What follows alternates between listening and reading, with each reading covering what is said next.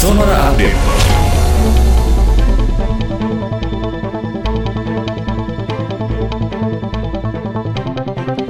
Sahabat Sonora, pemerintah Provinsi Jawa Timur mendirikan rumah sakit lapangan darurat sementara di pintu keluar jembatan Suramadu, sisi Surabaya.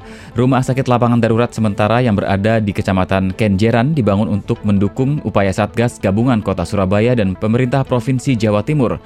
Satgas gabungan melakukan tes cepat antigen terhadap pengendara yang melintas di pintu keluar jembatan Suramadu sisi Surabaya. Pengendara yang dinyatakan positif berdasarkan tes antigen akan ditampung sementara di rumah sakit darurat lapangan tersebut.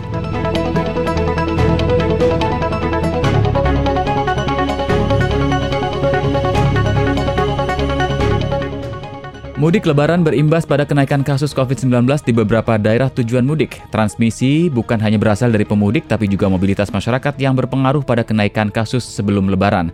Hingga tiga pekan pasca lebaran 2021, tercatat lima provinsi dengan kenaikan kasus tertinggi.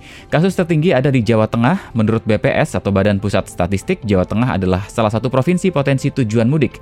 Sesama provinsi tujuan mudik adalah Jawa Timur, DKI Jakarta, Jawa Barat, dan Sulawesi Sulawesi Selatan.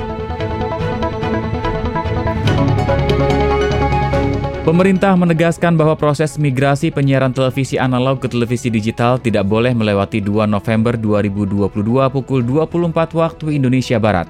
Jadwal migrasi yang sudah dibagi lima tahap wajib dipatuhi pelaku industri penyiaran.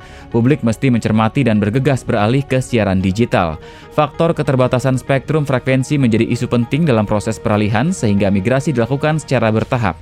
Adapun jumlah stasiun televisi di Indonesia mencapai 701 lembaga. Demikian Sonora Update.